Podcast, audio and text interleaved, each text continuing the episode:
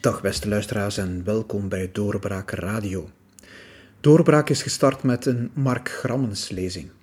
Die werd voor de eerste keer uitgesproken in het Vlaams parlement door Mark Elgardus.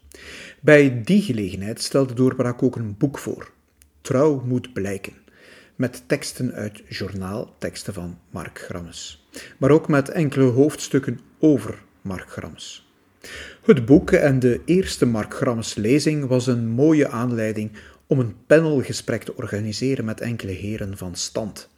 U hoort dat panelgesprek met daarin aanwezig Rick van Kouwelaert, Jean-Pierre Rondas en Marc Ergardus. Ikzelf, Pieter Bouwens, ben de moderator. Het werd een gesprek over de pers in Vlaanderen, ook over collaboratie en wie Mark Grammes is, was en wat zijn werk vandaag nog betekent. Zowel de lezing als het boek zijn te koop via boeken.doorbraak.be. Veel luisterplezier. Trouw moet blijken en opvattingen moeten leren uit feiten. Daar is waar wij het vandaag moeten over hebben. De enige die we hier vandaag nog niet gehoord hebben, bent u, meneer Van Kouwelaert. Ik vraag mij af, was er een soort pajotse connectie tussen u en Mark Grammes? Wel, als ik de, de proeven van biografie lees, mm van, pardon, als ik de proeven van biografie lees van uh, Pieter Jan, dan zie ik daar een heleboel namen staan. Die, ja, de zoon van Daniel de Koning zit hier. De, de familie van Stafferrept kwam altijd rond deze tijd, 1 november, 2 november, bij ons thuis met zijn groot gezin ook mm ja, de dag doorbrengen. Dus dat zijn uh, Jan Olsen van het Penoen, wordt daar genoemd. Dus dat zijn, ik ben daarmee opgegroeid. Dus ik ben een stukje mee opgegroeid met Mark Rammers. Die trouwens, uh, en dat blijkt ook, hij zegt het zelf, zeker in de, in de hele Egmond-affaire, mm -hmm. een heel nauwe band had met mijn vader. Want ondanks alle mythevorming die men later vanuit de Volksunie vooral heeft proberen te sturen, is het anti-Egmond-comité as such is gesticht bij ons aan de keukentafel. Okay. Door, drie, door drie, één gewezen burgemeester en twee burgemeesters, namelijk mijn vader, die burgemeester was geweest, uh, Flip Vergels van Dilbeek en Puk Algoed van uh, Sint-Genesius-Rode. Mag ik dan concluderen dat er ook een soort inhoudelijke verwantschap is? Wel, nou zeker van belangstelling, zeker. Mm die, die, is er zeker geweest. En dan ook puur journalistiek, vooral op dat, maar daar zullen we het later over hebben. Zijn scholing als journalist. Want dat kan niet over of onder, onderschat worden of overschat worden. Uh, dat is zijn, zijn uh, connectie die er geweest is en zijn scholing in met de mensen van de New Statesman. En zeker met Kingsley Martin, die een heel belangrijke figuur is geweest, die vroeger ook een leader-writer was geweest van The Guardian, die in tegenstelling tot wat hier af en toe wordt eh, te kennen gegeven, niet de New Statesman gesticht heeft. New Statesman is gesticht in 1913 door de fameuze, het fameuze koppel Sydney en, uh, hoe heet ze nu weer, Beatrice Webb. De van Fabians, de Fabians, de door de Fabians. Ja. Vandaar ook dat, uh, King, dat Keynes daar aanwezig is. Maar die figuur van Martin, die heeft hem onmetelijk beïnvloed. Ook in de manier waarop hij zijn blad leidde. Een beetje autoriteit, laten we dat maar zeggen. Uh, dat had hij van Martin. Vandaar mijn belangstelling ook voor, voor, voor hem. In, in het boek staat ook zijn, um, zijn dankrede als hij een prijs krijgt, waar hij het heeft over de pers. Mm -hmm. En eigenlijk heel streng is voor die pers vandaag. Ja. Waar hij zegt, ja, hij heeft het dan ook ja, inhoudelijk natuurlijk, maar ook wat betreft buitenland. Nou ja, voor die pers heeft het een paar keer gedaan. Hè. Er bestaat de fameuze dankrede ja. uh, voor de pers in, over de pers in Vlaanderen. En dan bij zijn afscheid is hij er ook nog op ingegaan. Rick heeft trouwens een artikel geschreven in dat afscheidsboek, uh, uitgaande van We are amusing ourselves to death. En uh, een, een, van de, om, om maar een beeld te geven van hoe Grammes die pers op had, het is eigenlijk niet zo moeilijk. Hij gaf het voorbeeld van de ingegroeide teennagel. die belangrijker was uh, in, in, in een of andere publicatie van een kwaliteitskrant dan wat hij dacht dat het zou moeten zijn. Hè. En heel zijn leven heeft hij geprobeerd om juist die krant te maken uh, met een hele redactie in zijn hoofd. Eh, hij, hij, moet gedacht hebben dat in zijn hoofd de vele redactieleden aanwezig waren, allemaal Mark Grammensen, die tezamen tot een consensus kwamen over de waarheid en dat dat beter was dan een redactie die onder één stolp leeft en eigenlijk ook altijd maar hetzelfde denkt. Dat kunnen we merken aan de kwaliteitskranten. Nee, Grammes was er, eh, had een heel lucide opvatting erover. Of het nog mogelijk zou zijn zoiets te maken, ja, daarvoor heb je zo'n sterke figuren nodig. Zoals hij, die op de duur in staat was van, uh, van zijn journaal te leven, van er een inkomen van te hebben. U citeert uit die lezing over de pers het citaat van uh, ze geven penitentie, zij gaan beslissen wat goed doen. Ja, dat kwam eigenlijk uit, uit ja, hij had het daar over de pers in Vlaanderen. Ja, ik, hij had het over de pers en inderdaad komt uit, die tekst, dat citaat. Maar ik vond dat het uh, ja, weer heel goed weergaf hoe hij ook een, een, een, tendens die in de samenleving aan het groeien is, hoe hij die snel ziet. Want inderdaad, we hebben te maken nu met een betrekkelijk grote groep die uh, politiek benadert als een soort uh, ja, clash van moraliteiten. De, we gaan weg van een, een politiek bestel waarin er tegenstellingen en verschillende belangen waren en we evolueren langzaamaan naar een wereld waarin eh, welke stellingname nog louter moreel wordt beoordeeld. Is goed of is slecht. En, en het goede zit altijd aan dezelfde kant dan in die zaak. En dat is wat, hij, eh, wat ik in dat citaat zie. Dus eh, misschien heeft hij het wel uitgesproken in een context waar het dan specifiek over de pers ging of over de media ging. Maar ik denk dat hij veel ruimer dacht dan enkel de media daarmee. Het zijn natuurlijk via de media dat die mensen spreken.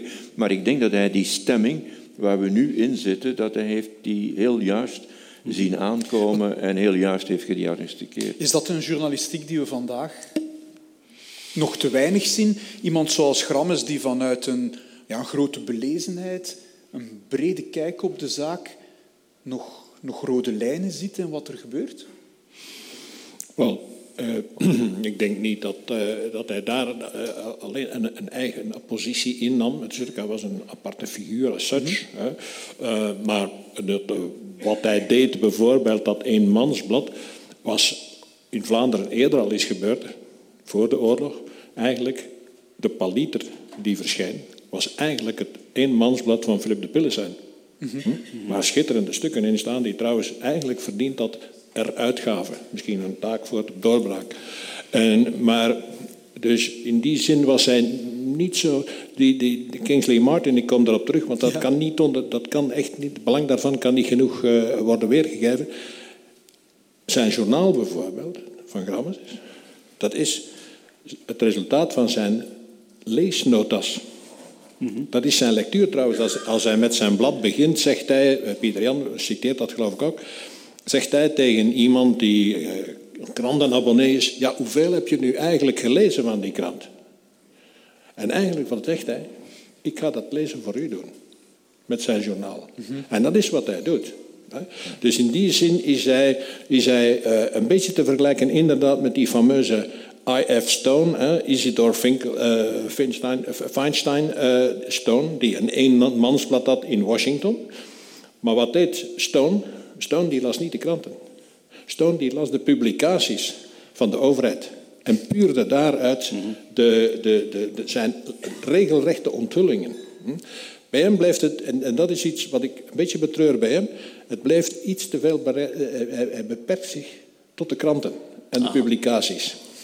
Mm -hmm. Hij had veel verder moeten gaan. En ik denk, en dat is toch wel belangrijk, uh, ik denk dat we een heel andere Grammes hadden gezien mocht hij niet geplaagd zijn door de doofheid die hem heeft overvallen. Dat heeft natuurlijk zijn sociaal verkeer, zijn professioneel verkeer zwaar belemmerd. Jean-Pierre heeft hem geïnterviewd, dat was geen sinecure. Je moest, zeker niet voor de radio. Het was mogelijk met medewerking van Els. Ja, het was mogelijk, maar je kreeg niet die discussie, die interactie van een echte discussie, kreeg je niet. Mhm. En daarom heeft hij zich ook zeer toegespitst op bepaalde, op, zeker op die, die Vlaamse kwestie, op die community ja. België. Hè.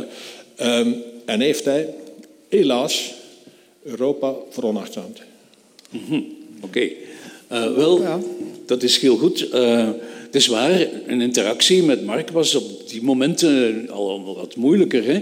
Hij heeft toch wel de nieuwe, en dat is dan van 1963, 64 uh, tot 1980, met aanloop, tot hij eigenlijk werd buitengebonjourd door zijn raad van bestuur, toch wel geleid als een redacteur. Maar goed, het was toen waarschijnlijk nog mogelijk om meer interactie te hebben. Maar ik wou iets, toch iets zeggen over die wat hij deed. Hier ligt ook een schaar. Hè? Ja.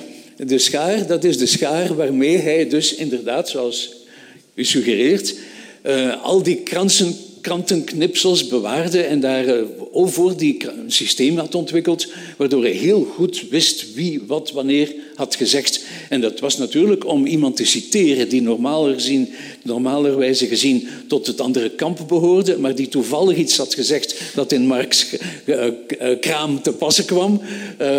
Dat citeerde hij graag. Maar dat hij niet met boeken zou bezig geweest zijn, dat ontkent het hele boek hier. Je zal wel zien als je het doorneemt ik heb gezegd dat hij niet met de tijdschrift, met de, met de publicaties... Van de overheid. Van de overheid. Ah, van de overheid. Ja, dus met de documenten, wel, studies, weet ik wat, uh, verslagen van, ja. van allerhande, waardoor I.F. Stone ja. daar dingen uitplukt en regelrechte onthullingen... Maar hij was toch niet alleen met kranten bezig, als ik dat aspectje daar kan uitnemen.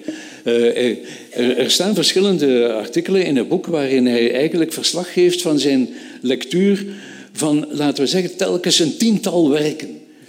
Een tiental werken. En dat gaat bijvoorbeeld, wat is fascistoïde? Wat is dat nou eigenlijk, een fascist? Lab. Wat, hoe was de houding van Sartre tijdens de oorlog uh, tegenover uh, de bezetting, et cetera? Daar komen weer zeven serieuze boekdelen uit in alle talen die hij werkelijk had verwerkt. En ik vraag mij, ik, ik leg er zo de nadruk op, omdat ik mij afvraag waar hij de tijd vandaan haalde en waar hij eigenlijk de absorptiemogelijkheid vandaan haalde om het allemaal nog eens weer te geven ook.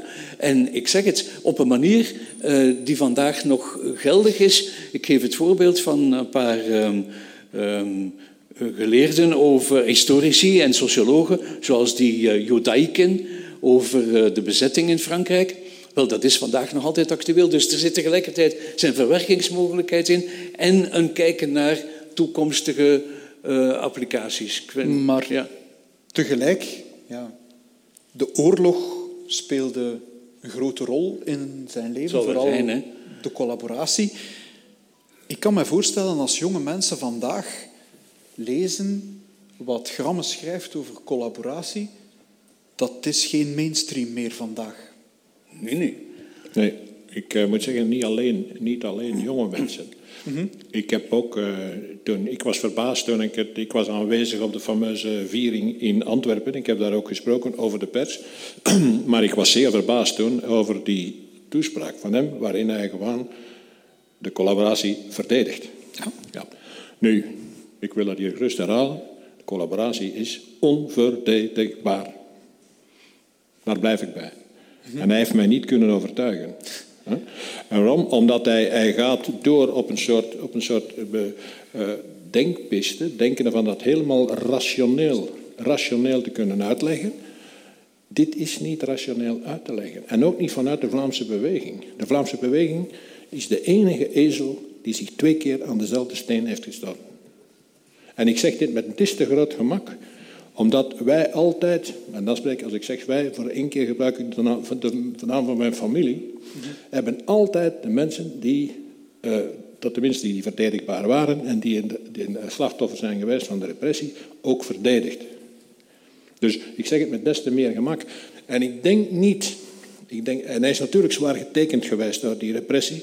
En wat hij persoonlijk heeft meegemaakt, en dat is afschuwelijk wat sommige mensen hebben meegemaakt. Maar dat geeft jou nog niet het recht om iets dat onverdedigbaar is, de samenwerking met een regime als de nazi's, om dat af te doen als zijnde, ja, het was eigenlijk een juiste beslissing. U zegt in uw lezing, ik was het niet overal met hem eens. is, is dat, zo'n punt? Dat was een van de dingen waar ik, uh, waar ik aan dacht. En uh, ik moest er terug aan denken toen, toen u zei van, uh, in de inleiding hè, van deze vraag... hoe zouden jonge mensen vandaag daar tegenaan kijken? En toen ik zijn stukken las... Hè, ik ben het eens met, met, met, wat Rick zegt, hè, dat is ook mijn positie. Maar toen ik die stukken las, dacht ik, ja, misschien is het toch nuttig dat jonge mensen dat nog eens lezen omdat het maakt wel duidelijk waarom men zo'n fout kan begaan. Het maakt de fout begrijpelijk. Hè? Maar er is natuurlijk een hemelsbreed verschil tussen iets begrijpelijk maken en begrijpen en er begrip voor hebben. Dat, dat, zijn, dat is een zeer fundamenteel verschil. Maar natuurlijk, hij wijst op een aantal dingen, we moeten dat durven zeggen. Eén, uh, al een zeer opportuniteitsoverweging. Maar mensen maken dikwijls opportuniteitsoverwegingen. In 40 was het niet zo zeker dat de Duitsers zouden verliezen. Hè. Dat, dat is een, een, zeer plat gegeven als gewild. Hè. Opportuniteits, maar goed, een aantal mensen hebben opportuniteitsoverwegingen gemaakt. Het andere is dat we moeten beseffen, dat legt hij correct de nadruk op, dat die ganse interbellumperiode een zeer autoritaire periode was. Dat was niet beperkt tot uh, fascisme of nazisme, het, autoritarisme. Hè. Dat, in managementkringen was dat toen heel sterk aanwezig. Dat zat in alle bewegingen.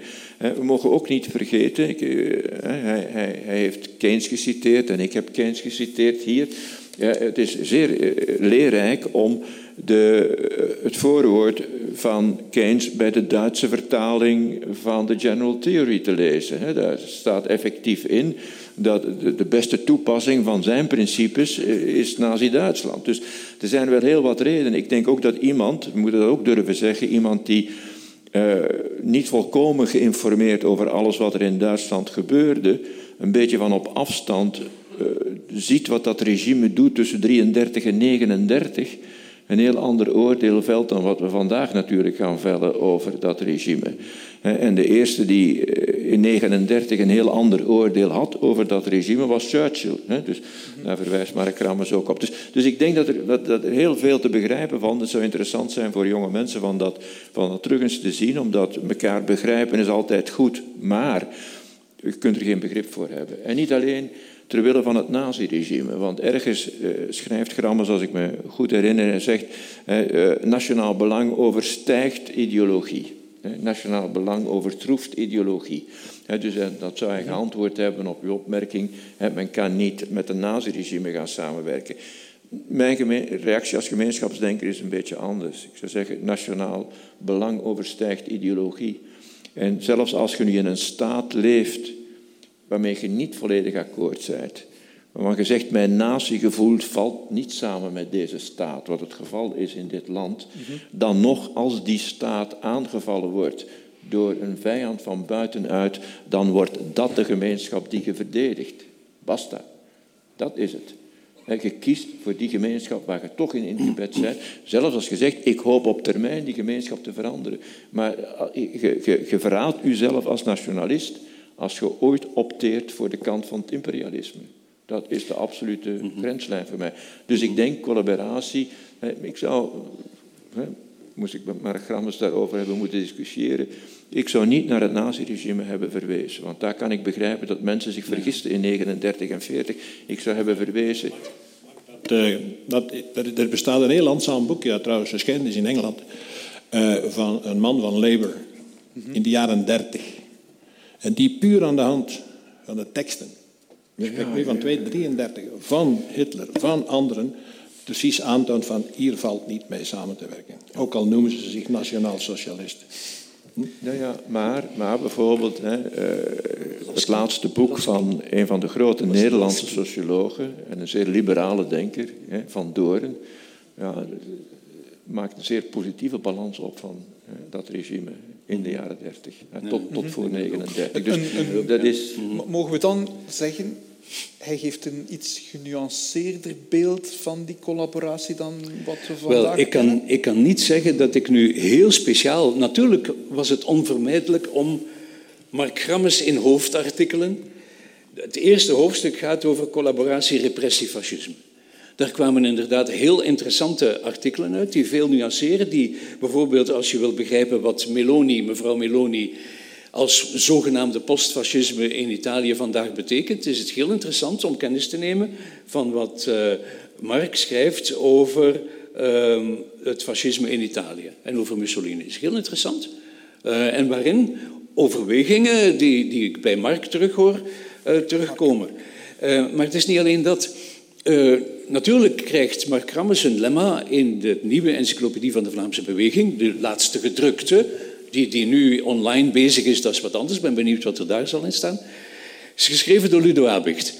Um, en Ludo gaat werkelijk uh, al heel vroeg, hè, al die stadia in het journalistieke leven van Grammes, punt voor punt, de nieuwe, dan journaal, et cetera. Zijn opvattingen, ook mensen als Olsen, waar Ludo zelf mee dweept in der tijd, uh, komen daar evident te pas. Maar Ludo eindigt dus juist weer op dit probleem, collaboratie.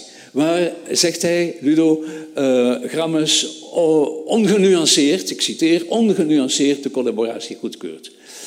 Ik heb gezocht naar zo'n tekst van Grammes, omdat we hem dan kunnen tegenspreken, hè, eh, Mark? We kunnen dan... Maar ik heb die niet gevonden. Wat ik wel gevonden heb, is een pleidooi voor een juiste benadering, heet het, collaboratie is niet altijd fout. Ik ben hier bezig met reclame te maken voor dat boek. Hè.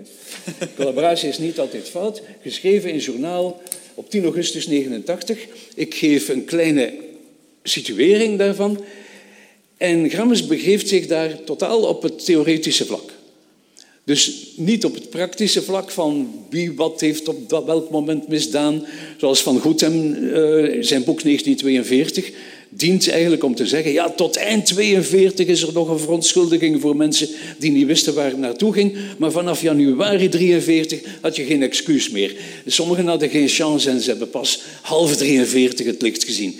Daar komt het op neer. Maar nee, Grammes zegt, kijk, het is een beetje om het even of je nu door keizer Wilhelm die een vertegenwoordiger was van een redelijk democratisch Bismarck-regime, bezet wordt, dan door de Jacobijnen, dan door Napoleon, wat weer een groot verschil was, want Napoleon loste uh, als het ware in. Uh, ja, die, die loste eigenlijk de Jacobijnen af en was hun tegenspraak, was het, antithese, antithese van die Jacobijnen. Het is om het even, je moet zoals uh, Marc Algardus zei, die ideologie wegcijferen.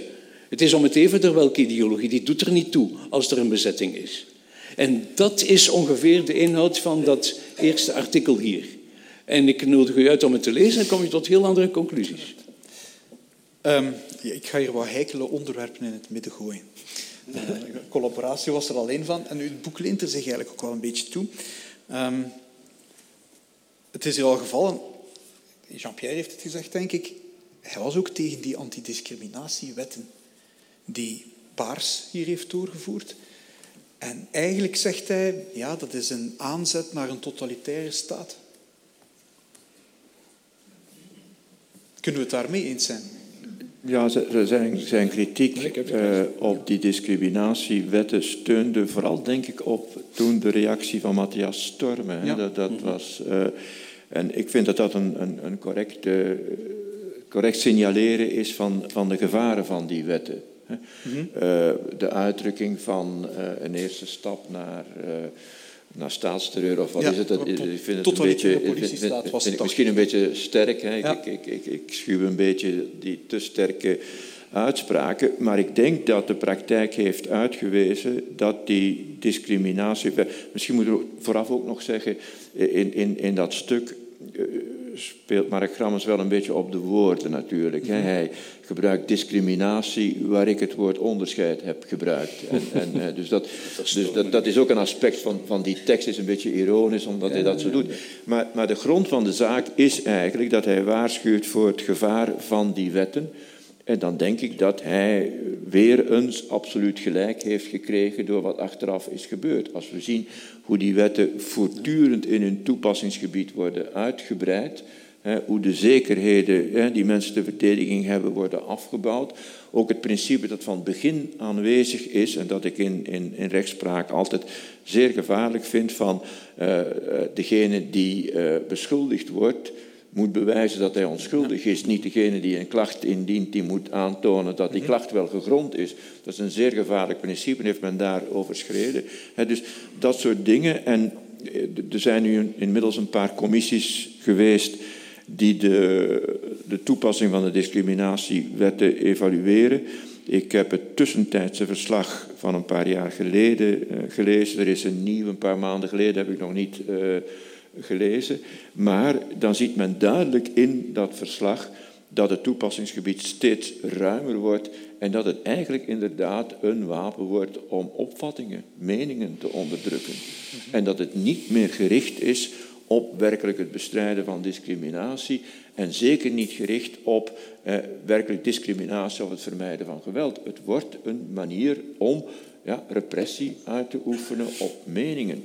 En dan moet men misschien grote woorden schuwen, maar ik denk dat dat toch in alle duidelijkheid mag worden gezegd. Dus ik denk dat, dat de, de grondteneur van zijn stuk was daar voorspellend en juist. Mag ik dan nog een beetje verder doortrekken? Hij... Mag ik daar, daarom vind ik het zo jammer dat hij zich nooit echt met Europa heeft bezig gehouden. Mhm. Want die sturing daarvan, die komt uit Europa. Ja. Die komt uit Europa, uit het Europees Hof. Van alle, van alle zijden komt dat vanuit Europa. En wat België daar, of Vlaanderen daar gedaan heeft, is zich aansluiten bij die tendens die al veel langer aanwezig was. En daarom betreur ik het herhaal nog eens, dat hij zich niet met Europa heeft bezig gehouden. Gewoon een anekdotes. Toen ik, toen ik de bundel las, was dat een van mijn opmerkingen. Je merkt heel dikwijls bij hem eigenlijk een geopolitieke belangstelling. Ja. Eh, niet, niet zo frequent voorkomend bij journalisten in dit land. Hij had een, een geopolitieke belangstelling. En, en om de zoveel bladzijden zeg ik, maar verdomme, waarom doet hij daar niks mee? waarom wordt dat niet uitgediept? En inderdaad, want veel van de zaken die hij aanklaagt, zijn een verlengstuk van politiek die elders ontstaat. Hè. Het verlengde daarvan. Ehm, nu, het is natuurlijk ruimer dan Europa alleen. Hè. Het is, het is een, een woke, hè. zelfs in de smalle of de brede definities. Dat is later gekomen, een woke. Maar de Engelsen, waarom zijn de Engelsen voor een deel uit Europa gestapt? Precies daarom. ja, ja. Dus ja, wel, welke Engelsen zijn er uitgestapt? Woke is een gevolg. Het is een Amerikaans gegeven. Hè?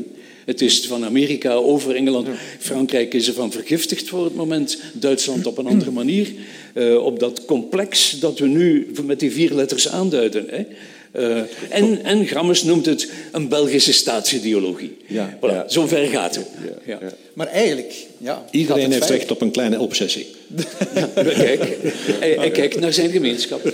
Die, die Belgische staatsideologie verwijt hij ook hij noemt de veroordeling van het Vlaams Blok een gerechtelijke dwaling. Dat is niet de enige, hè? Goed, uh, ik denk dat het algemene communische opinie ja. geworden is om, dat, om dat te doen. Uh, de, journalisten, de journalisten op uh, Radio 1 durven dat niet te zeggen. En voor één keer haalden ze mij dus van stal van Radio 3 en Clara om dit te, precies te zeggen op Radio 1. Dat waren het zij niet geweest. Maar ik ben dus onmiddellijk gezegd dat het een gerechtelijke dwaling was. Ik ben daar niet zo trots op, want het was evident.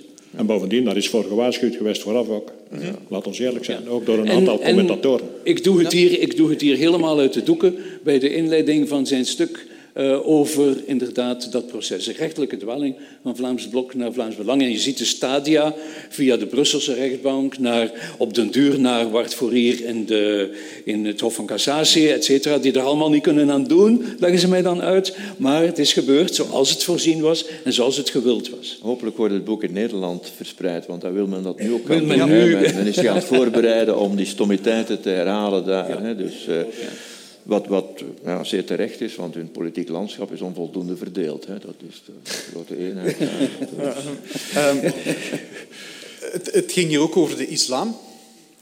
Ik, ik, ik ga rustig door met, uh, met, on, met onderwerpbezoek. Um, hij noemt de gezinshereniging een van de grootste problemen, een van de grootste fouten die we gemaakt hebben. Jean-Pierre. Wel, ook hier. Hè. Uh, nu, nu moet je Bos uitlezen. In de, uh, enfin, de lieve goedheid de lieve goedheid op zijn Vlaams gezegd, waarmee de standaard dan, of de morgen dan Bosuit laat spreken en schrijven, daar staat dan zo gezegd voor het eerst in de media in dat dat, dat, dat een van de grote problemen is. En bij Grammen staat het al van eind jaren 90.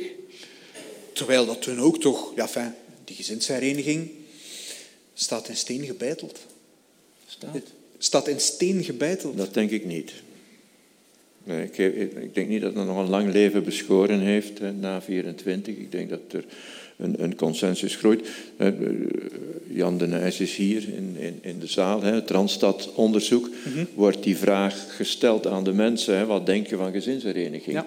En dan zie je, hè, wat, wat ik dikwijls... Hè, dat, als, als ik nu één les mag trekken uit mijn sociologisch onderzoek dan is het dat de mensen zeer redelijk en verstandig zijn in hun opvattingen de gemiddelde opvatting van de mensen, dat is, ik zeg het altijd, wij hebben goede politici, maar de kiezers zijn nog altijd veel beter. En dat is zo.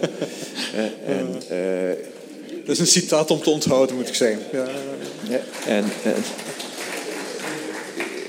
en wat, wat zeggen de mensen hier? De, de, de, de ruime meerderheid zegt, ik denk als ik percentages goed onthoud, 72% zegt, nee, nee, wij hebben gezinshereniging nodig, maar met voorwaarden. niet, niet zonder voorwaarden. Er is een kleine minderheid die zegt zonder voorwaarden. 72% zegt met voorwaarden. Welke voorwaarden? Welke voorwaarden? En dan zijn er absolute meerderheden voor dit programma. Eén, de persoon die ze laat komen, moet hier al minstens vier jaar gewerkt hebben. He, moet kunnen aantonen dat hij in het onderhoud van die personen kan voorzien. En de personen die komen, moeten voordat ze komen een taalproef afleggen en een inburgeringsexamen. Ja. Ik, Voordat ze hier komen, ik, zou ja, ja, daar moeten ze dat doen. Voordat ze hier komen. Dus ik zou het meteen durven voorleggen aan het parlement. Hè. Oh. Maar dat, is, dat, is, een, dat is een goed Wel, er was een onderzoek en uh, Rick heeft erover geschreven. Het is dat onderzoek, hè? Onderzoek waar Mark ook aan meegewerkt heeft. En de auteur zit hier in de zaal, en ik vergis Jan de Nies. Ja, is waar. Um, maar dan zitten we met het dus probleem... hij, kan, hij kan mij tegenspreken. Ja, maar jij doet het niet, dus het was allemaal juist.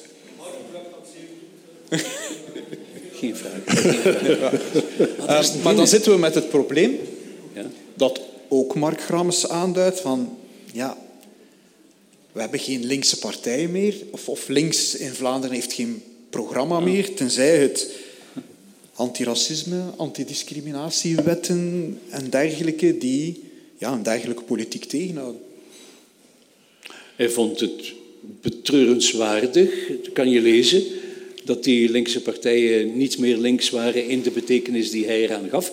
Dat deed hij trouwens met alle partijen. Hij verweet alle partijen dat zij niet stonden voor wat ze zegden te staan. En groenen waren niet groen, socialisten waren niet socialist, eh, christendemocraten, ze zouden zich beter allemaal...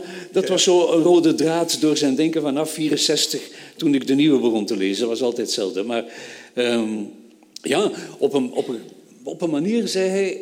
Oké, eh, België kan slechts veranderd worden, geherstructureerd, welke manier dan ook. Op zijn, op zijn opvatting was dat confederalistisch. Als de rechtse partijen allemaal winnen en als links voorlopig verliest. En later zullen we wel zien. Dat, dat, dat was de idee. Want als de rechtse partijen in Vlaanderen winnen, winnen, ik heb het nog deze morgen nog eens nagekeken, dan zullen de Walen en de Franstaligen een dégoût krijgen van al wat Vlaams is. Ja, hoe zouden ze daarmee kunnen blijven samenwerken? En dan zullen zij eigenlijk het splitsen van België uh, entameren en ermee beginnen. Zij zullen de eerste stap zetten. Wat is een constructie van hem? Of dat zo zal zijn, dat is weer wat anders. Nee, dat was een andere constructie die hij gemist heeft eigenlijk. Mag ik daar even op terugkomen? En in, hij, hij viel graag Hugo Schilds aan. Ja. Laat ons eerlijk zijn. Dat, ja, dat was een schietschijf voor hem. Dat waren het, het, is, het is eigenlijk... Eh, sorry, ga door straks. Hè. Maar ik wil zeggen, het boek, het boek Portret van een Belgisch staatsman bij het overlijden van Hugo Schilds, het is zijn beste stuk. Grammens haalt hier zijn gram. Ja, ja. dus uh, een pittig stuk. Een pittig stuk, ja. Maar in zijn pittigheid heeft hij twee dingen veronachtzaamd bij de figuur van Schilds. Schilds is de man die En dat heeft hij echt, echt zelf gedaan. Het is de, de, de, de toenmalige premier, nee, nog niet premier, Martens was het toen. Het is Martens, de Hane, die die, die, die, hervorming, die staatshervorming heeft klaargemaakt. Artikel 35. Artikel 35, dat zegt, wij gaan elk onze weg eigenlijk. Hè, wat hij eigenlijk wil. Hè. Wij willen geen, wij willen geen echte barst, hè, Mark mhm. Rammes. Nee, Hij wil gewoon confederalisme, het is al wel. In zijn betekenis. In zijn betekenis. Ja. En twee, wat hij helemaal gemist heeft in zijn commentaar, is het belang van de financieringswet. Financieringswet, en hij was waarschijnlijk niet op dat congres, de financieringswet die ook door de Hanen is klaargemaakt, met hem, met Schilds, en waarop Schild zegt op het congres, en zij die misschien op het congres van de Volks niet aanwezig waren, zullen dat kunnen getuigen, dit, waar hij toen gezegd heeft, Schilds, dit, deze wet is het einde van België. En let op mijn woorden, we zijn dus goed op weg. Ja, zo manier, verrotting eigenlijk. Eigenlijk verrotting. En geen rot compromis, maar gewoon een verrottingsstrategie. een verrottingsstrategie. Maar artikel 35 zegt dus, uh, ja, het is een dat wij beslissen wat wij samen gaan doen. De bevoegdheden gaan naar de deelstaten, deelgewesten, deelgemeenschap. De bevoegdheden gaan daar naartoe. En de restbevoegdheden zijn federaal. Maar toen al, van bij het begin, gaf de Hane dat toe dat het Schils wou dat absoluut hebben, wetende, dit gaan we nooit toepassen. Ja, maar, dit gaan we nooit maar, iets van maken. En het is, is waar geweest. Tijdens de, bij de aanloop van de 541 dagen naar die roepo, toen leefde de Hane nog, heb ik hem gezegd, is het nu niet het moment om artikel 35 boven te halen? En zijn antwoord was kort en weg. Ah, voilà. C'est du Belge. Zoals gewoonlijk. Uh, ja, ik weet niet of, of, we daarop kunnen terugkomen, op dat, op dat linkse uh, van hem. Omdat dat is een van de punten waar ik het gevoel had van uh, ergens is hij, is hij gestopt in een bepaalde diagnose van de evolutie van links. want wat hij heeft meegemaakt ook was de opkomst van, van marxisme, leninisme, mm -hmm. van de Maoïsten, van enzovoort. En, en je ziet in een aantal stukken is dat dan wat voor hem links is. Hè? Dat is dan uh, hoe links Echt? veranderd is naar dat. En, en hij blijft daarin een, een, beetje hangen, terwijl eigenlijk als je het historisch bekijkt, dat was een stuiptrekking. Dat was het einde van die bewegingen bij ons, niet een, mhm. een, een wereldwijd begin. Dat was toen dat zich de grote verandering eigenlijk voordeed. En die grote verandering was dat men druk begon te schrijven over uh, het embourgeoisement van de verburgerlijking van de arbeiders. Mhm. En dus stonden alle linkse bewegingen toen eigenlijk al klaar om afscheid te nemen van de arbeider. Ja. En in die zin is dat marxisme-leninisme een stuiptrekking. Hè? Want, wat, wat men gaat doen is dan, hè, ja, de arbeiders, daar kunnen we niet meer op rekenen. Op wie kunnen we dan nog wel rekenen? De ghettobewoners en de landarbeiders in de derde wereld. En dat heeft gemaakt dat toen een deel van die mensen einde jaren tachtig met de migratie hier aankwamen, dat zij dachten, ah, nu zijn ze hier. Hè. Nieuwe, nu hebben we het nieuwe publiek, nu hebben we hier de nieuwe, de nieuwe klasse. Hè. Philippe dus- Moreau zei dat ook. En, en, en, dat, en, en Moreau zei dat ook. En dat is natuurlijk wat hedendaags links bepaalt. En vandaar dat, wat ik noem, ja, het, het grote misverstand natuurlijk. Hè, want dan is er toch een band ontstaan tussen die linkse partijen en uh, die nieuwe bevolkingsgroepen. En gedeeltelijk is die band ontstaan omdat die partijen zeer open waren voor die groepen, maar ook omdat de andere partijen er niet op ingespeeld hebben. Maar dat is een misverstand. Want als men kijkt naar die groepen, bij ons zijn dat overwegend moslims, wat willen die mensen? Die mensen willen een ethisch meer conservatief beleid. Dat is een diepe wens van die mensen, ethisch conservatisme. en een heel deel van die bevolking, want die worden altijd wel een beetje verkeerd voorgesteld, zijn nogal ondernemende mensen proberen te ondernemen. Dat is ook typisch voor minderheden. Dus eigenlijk het, het echte politieke huis voor die groep, ja, dat zou een soort ethisch wat conservatieve of terughoudende centrum tot centrumrechtse partij zijn. Dat is het. Dat is de echte is thuis geen, van die groep. Is het, geen een sociologische vaststelling dat, die eerste, dat de eerste keer dat migratie deelneemt aan verkiezingen zij meestal socialist stemmen? Maar nadien niet meer. Nee, nee, dat, dat is, is, al afhaken. Je ziet dat al. Dus dat is een natuurlijk, dus, dus, dat is een misverstand dat daar, daar uh gegroeid is. Ten dele door fout ook van natuurlijk de rechtse partijen. Nochtans gaat iemand als een uh, Jan Harthogen ervan uit, hoe meer migratie, hoe meer op links zal gestemd worden. Ja, dat, dat hoopt hij. Dat hè? hoopt hij Dat inderdaad. hoopt hij. Maar, goed, ja. Ja, ja, ja. Maar, maar mag ik, Ja, dat- maar mag ik de vraag stellen? Ik ga bij u beginnen, ehm, want ja, ook daar is in het boek dan, dan wel wat over. U zegt Mark Grammes is een gemeenschapsdenker, maar was hij ook een linkse denker? Is Mark Grammes links volgens u? Wel, ik moet zeggen, als, als ik het lees, eh, dan, dan voel ik daar toch een aantal eh, standpunten in. Dat je zegt, ja, de man draagt zijn hart wel links. Hè. Het, het, het, is zijn anti-imperialisme dat zeer duidelijk is, zijn, zijn pacifisme dat zeer duidelijk is, zijn eh, scepticisme tegenover Amerika, eh, zijn, zijn standpunt in verband met, eh, met Palestina. Dus er zijn een aantal van die dingen heel duidelijk die daarop wijzen. Waar een punt waar hij mij ontgoochelt is als die ja, twee dingen waar, waar, waar ik, wat, wat ik heel plezant vind en waar ik kan inkomen, wat ik ook mee meevoel, als hij zegt, ik ben ook de laatste socialist. Hè. Dat is wel een gevoel dat ik soms met hem kan delen. Maar eh, op een ander moment zegt hij, ik ben socialist omdat ik ben, en daar ontgoochelt hij mij, ik ben voor het collectief eigendom van de productiemiddelen. Ja. Ja, dat is natuurlijk, eh, dat, dat kan, en dan, dan, dan voelt je wel... Dat is zijn definitie van socialisme ook. Hè? ja, ja, maar Nee, is goed, daar voelt je wel, hij heeft daar niet over doorgedacht, hè, want dat kan niet. Hè. Dus eh, eigendom van productiemiddelen, dat betekent niks meer. Hè. Het eigendom is een juridische categorie en we moeten zorgvuldig voor elk zo'n soort eigendom gaan afbakenen. Wat is het precies?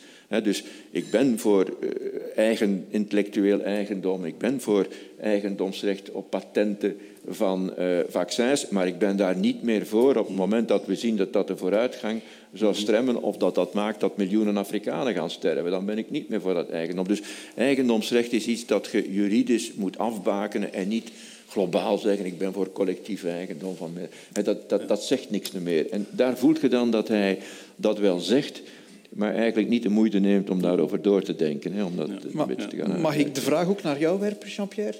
Werk maar. Eh, Dezelfde? eh, Ja, is, is Mark Grammes links? Wel, in het boek doet Luc. Pauwels een poging om dat zo een beetje...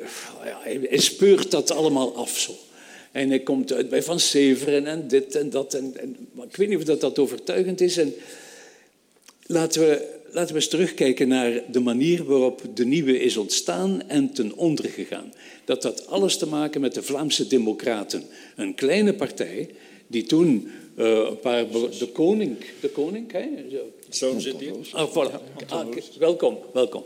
Dus die de koning, die een heel inspirerende figuur moet geweest zijn. Ik heb hem pas leren kennen, eerlijk gezegd door dat een beetje na te speuren. En eh, Grammes zat wel in een kring van Vlaamse democraten. En die Vlaamse democraten hebben ook grotendeels het geld geleverd waarmee de nieuwe kon opgestart worden vanuit de linie en de nieuwe linie. Dus die, die tijdschriften gingen kapot vanuit het Vaticaan, precies om Grammes te treffen. En hij de week nadien begon met de nieuwe. En die nieuwe werd gesteund, moreel, door die Vlaamse democraten. En op een gegeven moment zit hij, en ik heb dat nu gezien in een thesis die in Gent eh, werd geschreven door ehm, een ja, iemand die vroeger nog voor het Vlaams Marxistisch tijdschrift reda- redactielid is geweest. En eh, die gaan na wat er daar allemaal gebeurd is met Rozens en compagnie. En eh, op een gegeven moment gaat de abonnementsbestand van de nieuwe zo achteruit, omdat de mensen, de lezers, de abonnees, het de nieuwe en dus Grammes kwalijk namen dat hij volledig op die Vlaamse democraten had gewet in een verkiezing die die Vlaamse democraten dan grandioos en glansrijk hebben verloren met 0,3 procent. En dat, heeft hem, dat was halfweg de nieuwe. Ik denk dat we dan 66, 67, 68 zitten. En dat, die, die abonnementscijfers gaan kapot. Hij had zich daar te ver geriskeerd.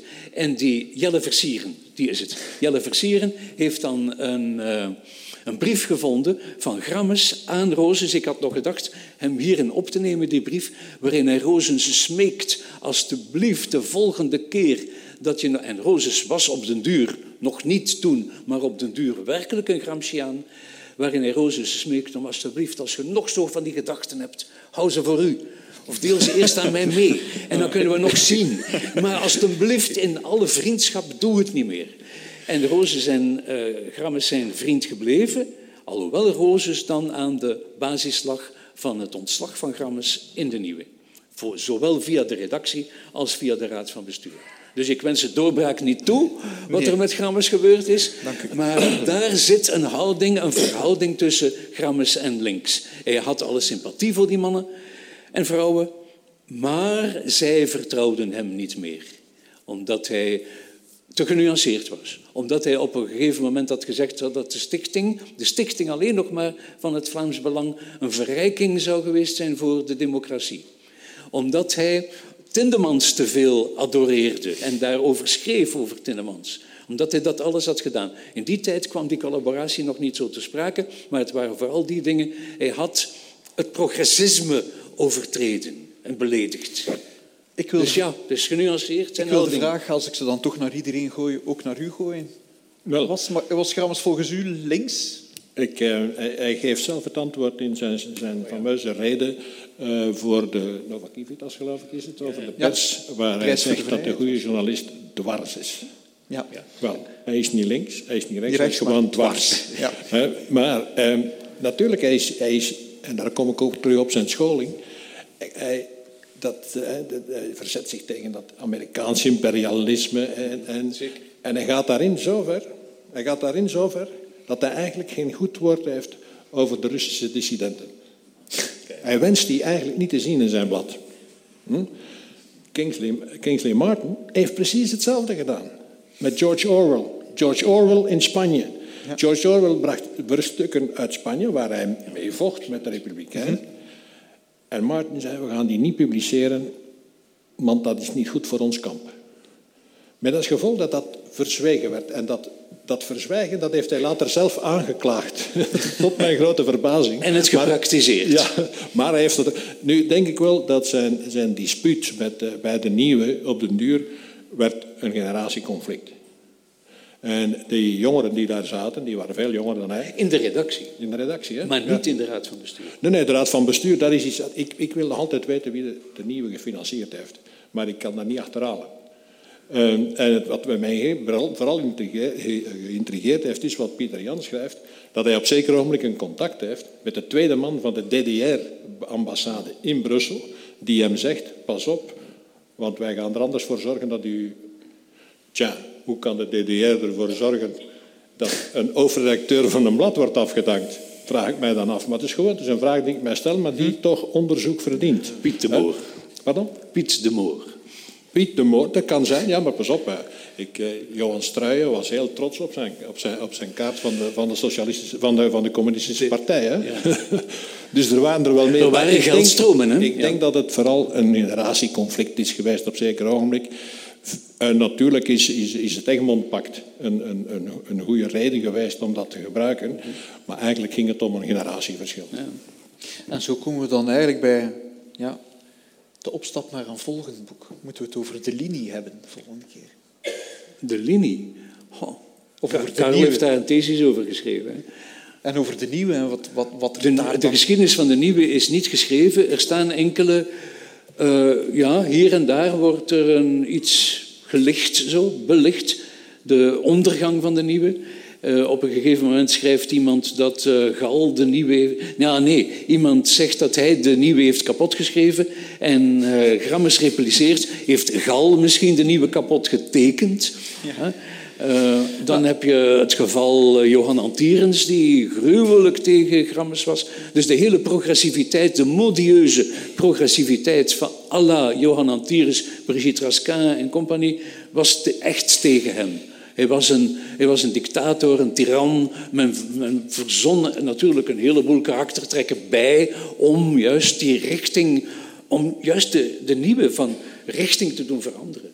Hij moest, was een slagschip en dat slagschip moest de andere kant Hij was nogal autoritair, hè? laten we eerlijk zijn. Ik herinner mij eh, van een, een verhaal van een filosoof die meewerkte in de eerste generatie van de nieuwe die zei dat hij gewoon zijn hoorapparaat afzette als hij tegenargumenten kreeg. Dus wat heel vervelend is voor de discussie. Maar het, het is zojuist, uh, dit, dit, uh, deze anekdote is mij zojuist bij het begin van deze lezing um, ja, uh, goedgekeurd en verteld door Els. Het is waar. Het is waar. Het was Jacques de Visser, het was Jacques de Visser die dat rond vertelde. Officiële anekdote. Ja, ja. Hij heeft het mij nog gemaild deze week omdat hij wist dat ik hier zat. Ah ja. het zit diep blijkbaar. Het zit diep de ervaring. Nee, nee, hij zegt, dat is een man van wie ik veel geleerd heb. Ah, ja. Dat voegt hij er wel aan toe, wens ik hier ook te doen bij deze. Maar hij gaf wel toe dat het af en toe moeilijk praten was met hem. Ja, soms schreef hij ook een lezersbrief. Hè? Dat, is, uh, dat is niet eens zo nieuw. Maar wat ook belangrijk was, wat ook belangrijk is, en uh, hij, had, hij had natuurlijk al wat concurrentie. Hij kreeg wat concurrentie natuurlijk hè, in, op de markt. Je had Spectator die een ommedraai gemaakt. Spectator die trouwens een, mooi, een mooie bijlage was van de nieuwe gids. Mm -hmm. uh, en dan had je, dan had je Knak natuurlijk dat eraan kwam. Ja. Trouwens, op zeker ogenblik heeft hij, heeft hij een gesprek met Piet Antierens en met Jan Merks over een anti-knak. Ja, ja. Dat is dan finaal niet doorgegaan, maar dat is, daar zijn wel plannen voor geweest. Dus hij wilde toch ook iets meer dan die nieuwe die, waarmee hij bezig was. Iets waar hij meer slagkracht om mee heeft. Als we dan vandaag, ik ga eindigen zoals we begonnen zijn, bij de pers. En ik las dat uh, in, in een van die stukken schrijft hij, uh, en hij, hij, hij, citeert Bas Heijnen. Uh, ja. vr vroeger dachten gekken dat ze Napoleon waren, nu komen ze in het nieuws. En ik dacht aan wat er in de zevende, ja, de zevende dag van de voorbije zondag, ja. waar een van de gasten een beetje later die terugkwam, die uh, heel dicht het meisje met de parel aan het bewonderen was. Ja, ja, ja. Um, ja. En, en ja, toch ook daar heeft hij gezien, de media zitten op een, op een fout spoor. Door te veel, ja, te veel sensatie en te weinig... Eigenlijk verwijt hij hen ook ja, de vraag moet zijn, wat is maatschappelijk relevant? En op redacties is vandaag de vraag, wat is emotioneel relevant? Ja, ja, ten dele is dat juist natuurlijk. Hè. Hij, hij, hij, beschrijft ook al de, de, de, veranderingen op de voorpagina, hè, waar steeds minder, hij was van van grote steeds, steeds minder tekst, ja. ja de, de tabloidisering en dan de verandering van de voorpagina waar uh, steeds minder tekst staat. En ja, ik, ik lees morgens uh, de Standaard en de Morgen. Uh, en dat is geen prettige ervaring, kan ik u verzekeren. um, ik, we hebben veel bewondering voor u, meneer ja, ja, ja, dus... en, en het valt me op vandaag, alle twee staan vol plaatjes. Dat schrijft hij ook, Twee voorpagina's plaatjes. Dus dat, dat te veel foto's in de krant. Ja. En dan is er natuurlijk wel die commercialisering en emotionalisering gaan samen, denk ik, omdat dat gemakkelijker is. Maar ik moet zeggen, dat is niet de tendens die mij het meest zorgen baart. De tendens in de kranten die mij het meest zorgen baart op dit ogenblik, is dat ze eigenlijk niet meer willen informeren, maar beïnvloeden. Ze hebben een opvatting van hoe de mensen zouden moeten denken en leven, en dat wordt er maar voortdurend ingelepeld. En er is geen zorg meer om zo ja, objectief mogelijk, zoals we dat vroeger zeiden, mm -hmm. hè, te informeren. Dat is verdwenen. Nee. En het gaat erom, hè, je, ziet goed genoeg die journalisten gevoels als het ware, ja. hè, als ze een stuk schrijven, in de eerste plaats denken, wat mag ik zeggen, wat mag ik niet zeggen, en om de mensen te sturen hè, naar wat ik denk dat het uh, ja, uh, hun goed leven is. Hè. Hun eigen leven, dat is ja, wat anders. Maar is hun goed leven is, hè, daar gaan we ze naartoe sturen. Een neutraal weerbericht, dat bestaat niet meer. Er bestaan alleen nog ideologische weerberichten. Ja. En nadien maken ze dan een artikel over het feit dat er alleen maar ideologische weerberichten bestaan. Het is onlangs gebeurd. Het is deze week gebeurd in een van die twee kranten. Die kan ze nooit onderscheiden. Alhoewel, er is wel een gradatie. Er is wel een gradatie. De, de meest woke krant is natuurlijk uh, die van wie je het minst zou verwachten en waar vroeger AVV-VVK op stond. Ja. ja. ja. Mijn eerste applaus vandaag. ja, en, dan, en dan nog voor de standaard. Zwijg jij? Ah, ik excuseer. Uh, ja, meneer Van Koolaert gaat... Maar er is, een, er is een discussie die van Sinds Alle de massapers bestaat, ja. de massapers bestaat, is, is, bestaat die, het, de, de zucht naar sensatie. En je hebt, je hebt geloof ik in, in, in beurskringen spreken ze van de wet van Gresham, dat uh, uh, het, het, slechte geld het goede verdrijft. Ja. Ja, ja. Hij is een van die Engelse uh, uitgevers die ooit gezegd heeft dat de pers die zich richt tot de maag altijd zal winnen van die die zich richt tot de hersenen. En de onderbuik? Hm?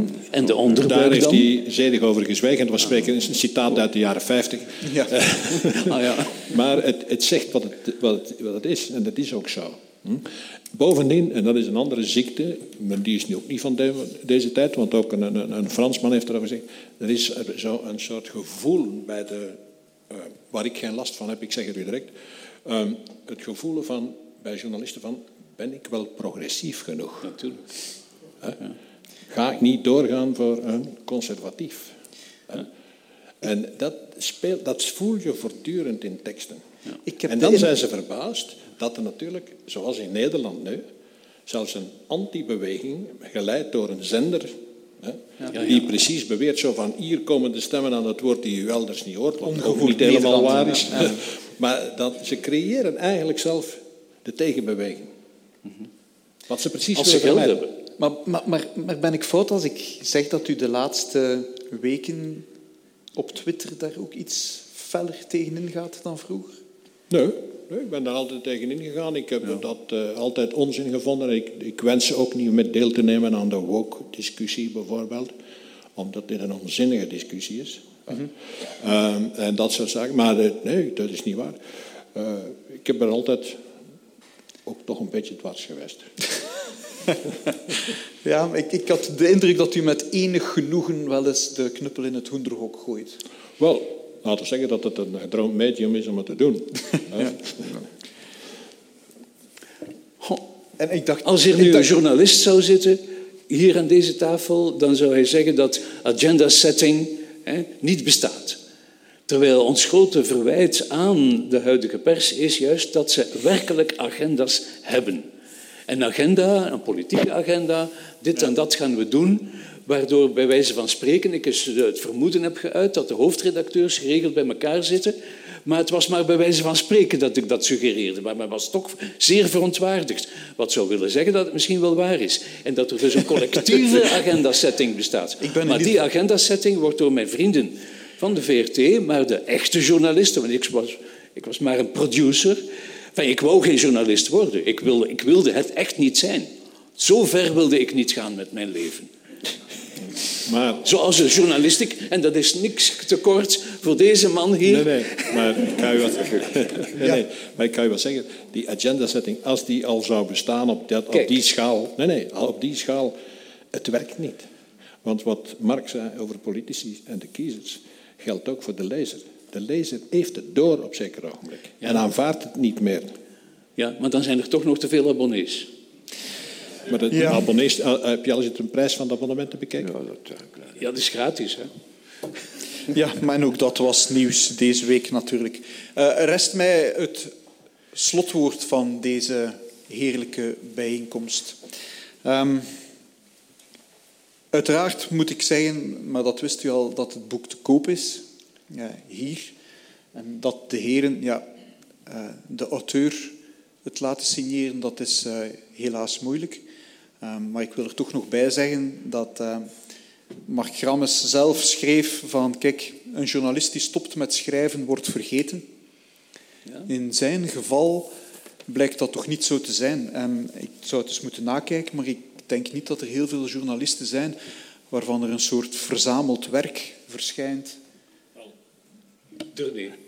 Ja, nee, maar vooral van de man die hij het meest gehaat heeft en vice versa, Johan Tieres. Ja, Twee delen, twee Ja, delen.